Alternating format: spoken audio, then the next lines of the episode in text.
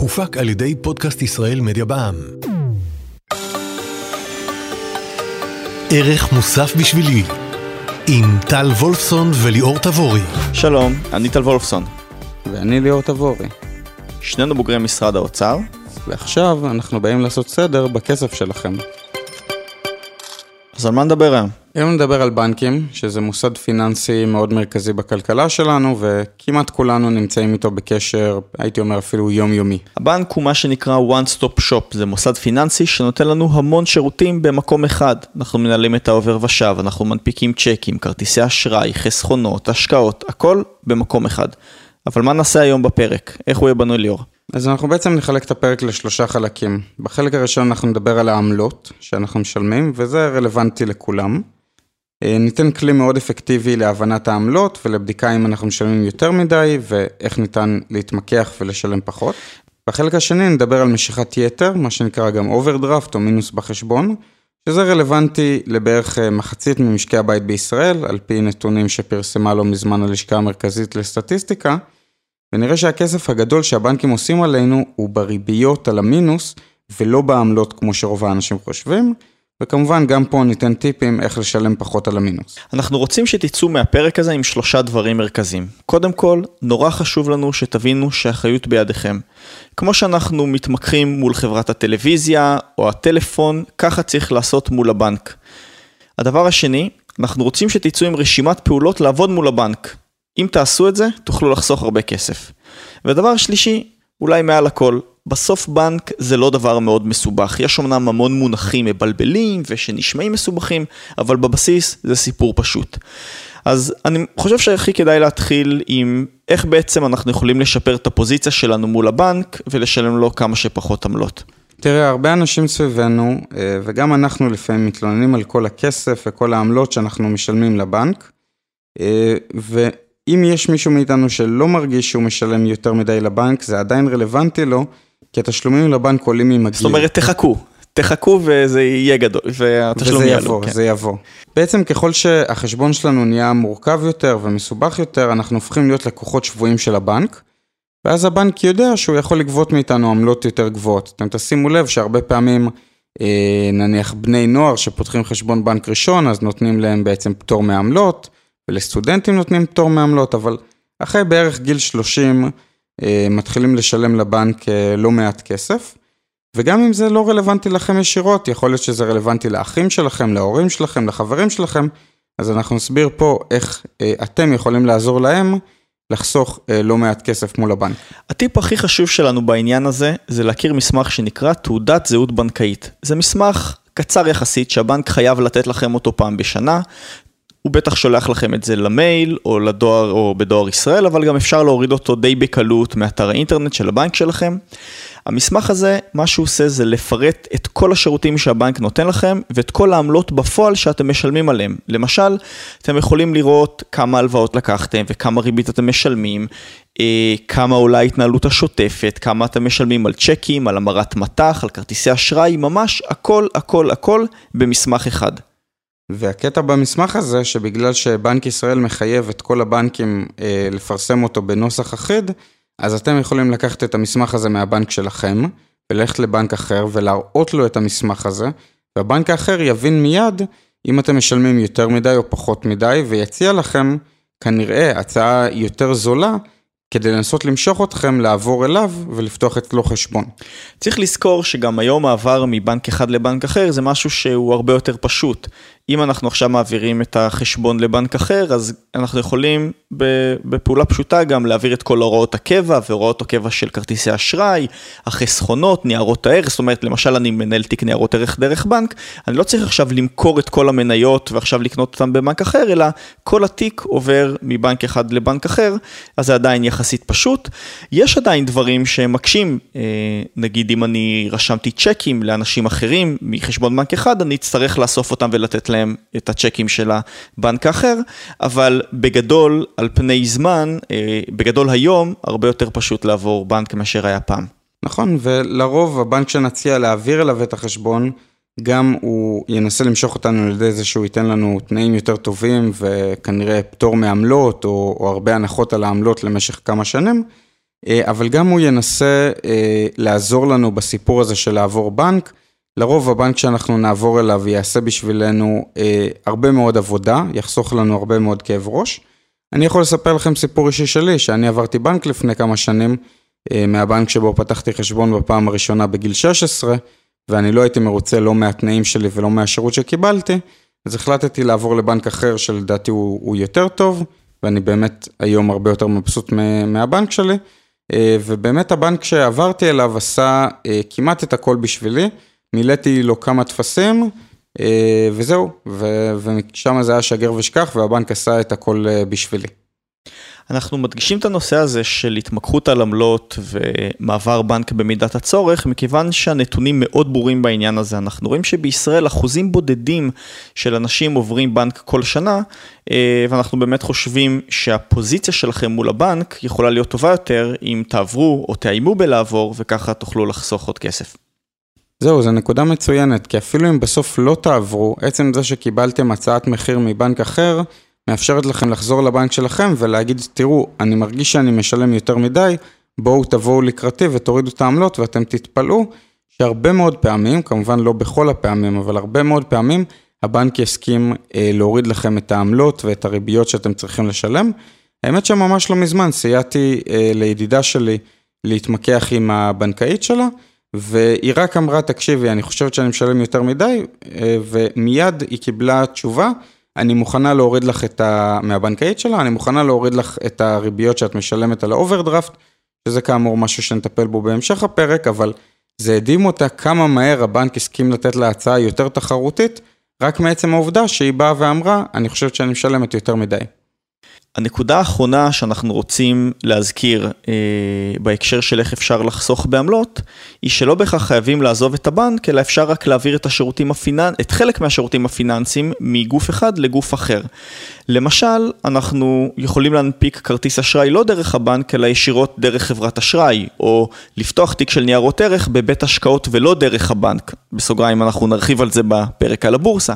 מה שאנחנו מנסים לומר זה שאפשר לחסוך בעמלות גם בדרכים אחרות. נכון, בעצם הבנק מנסה לעשות לנו את החיים מאוד פשוטים על ידי זה שהוא, כמו שאמרת בתחילת הפרק, one stop shop, הוא מקום אחד שמוכר לנו את הכל.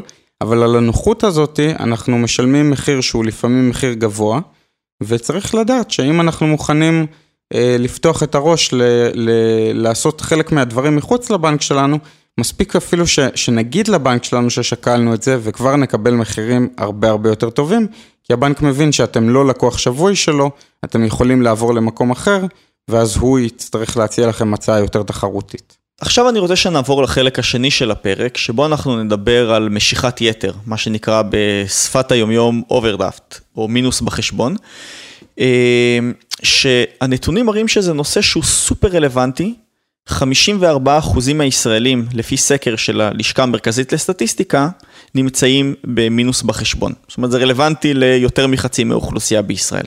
אז כאן חשוב להבין באמת שהכסף הגדול שהבנקים עושים עלינו הוא לא מעמלות, אלא דווקא מהריביות.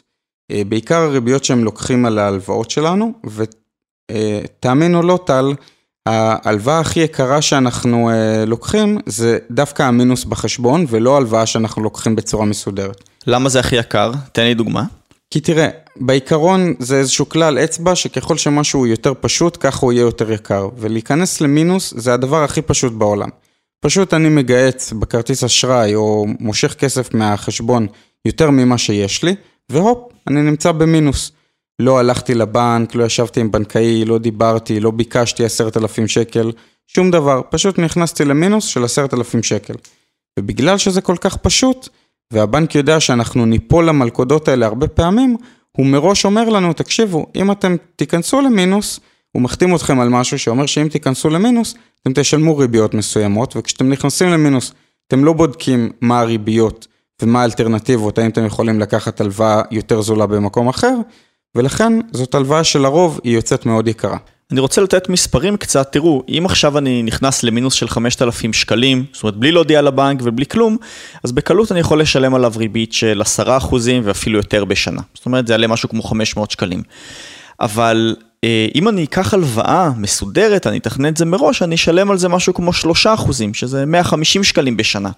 אז ההבדל יכול להצטבר אפילו למאות ואלפי שקלים, רק על זה שהתעצלנו ללכת לבנק ולקחת הלוואה מסודרת.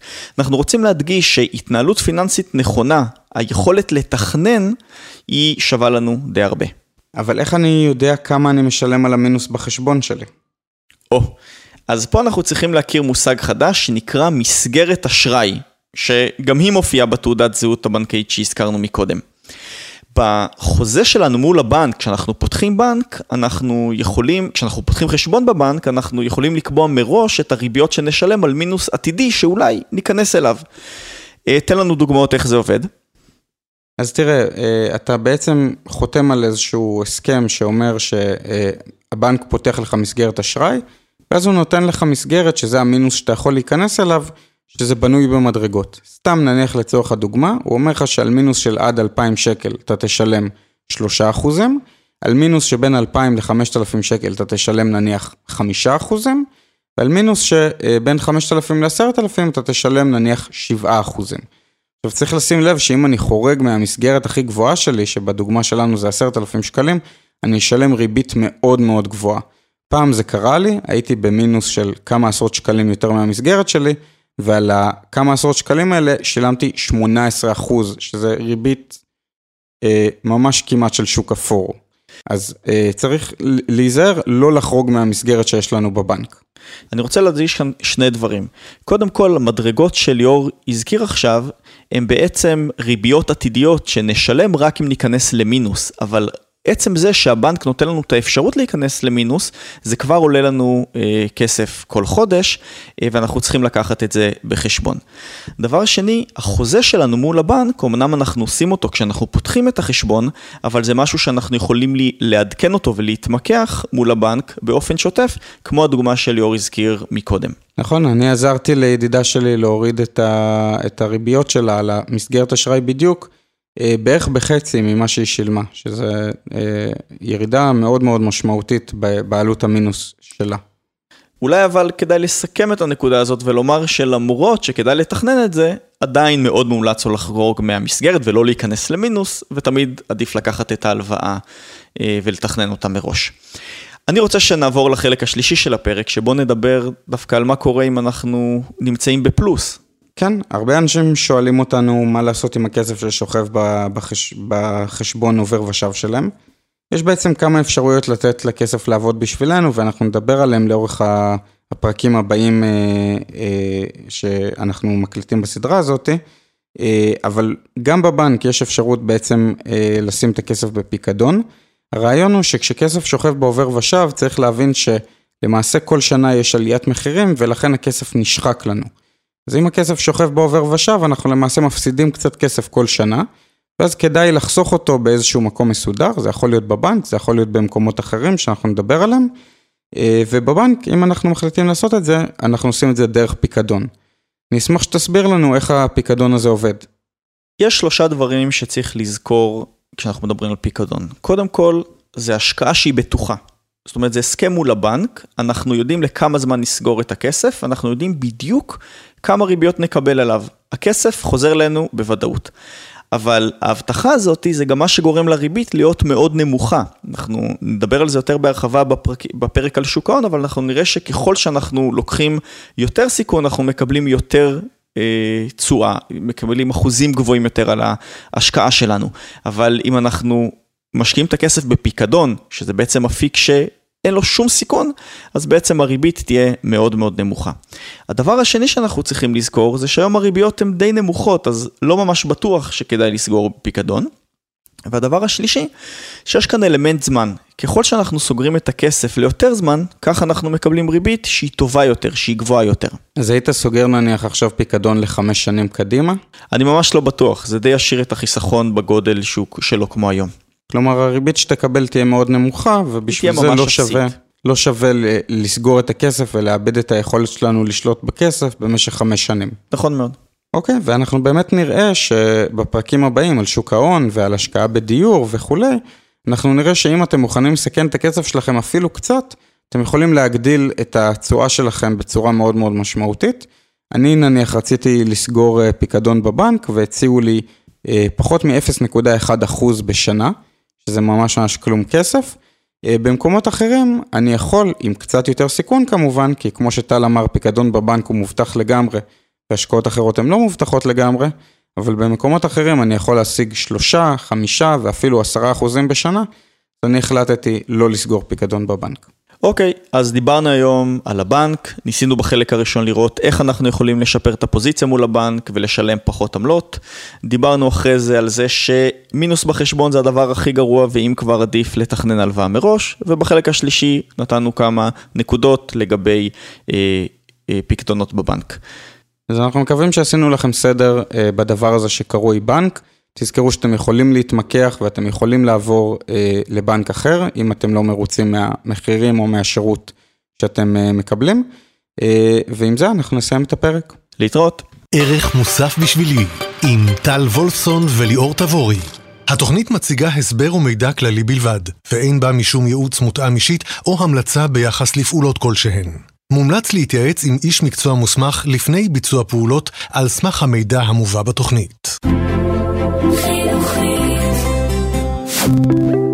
הופק על ידי פודקאסט ישראל מדיה בע"מ.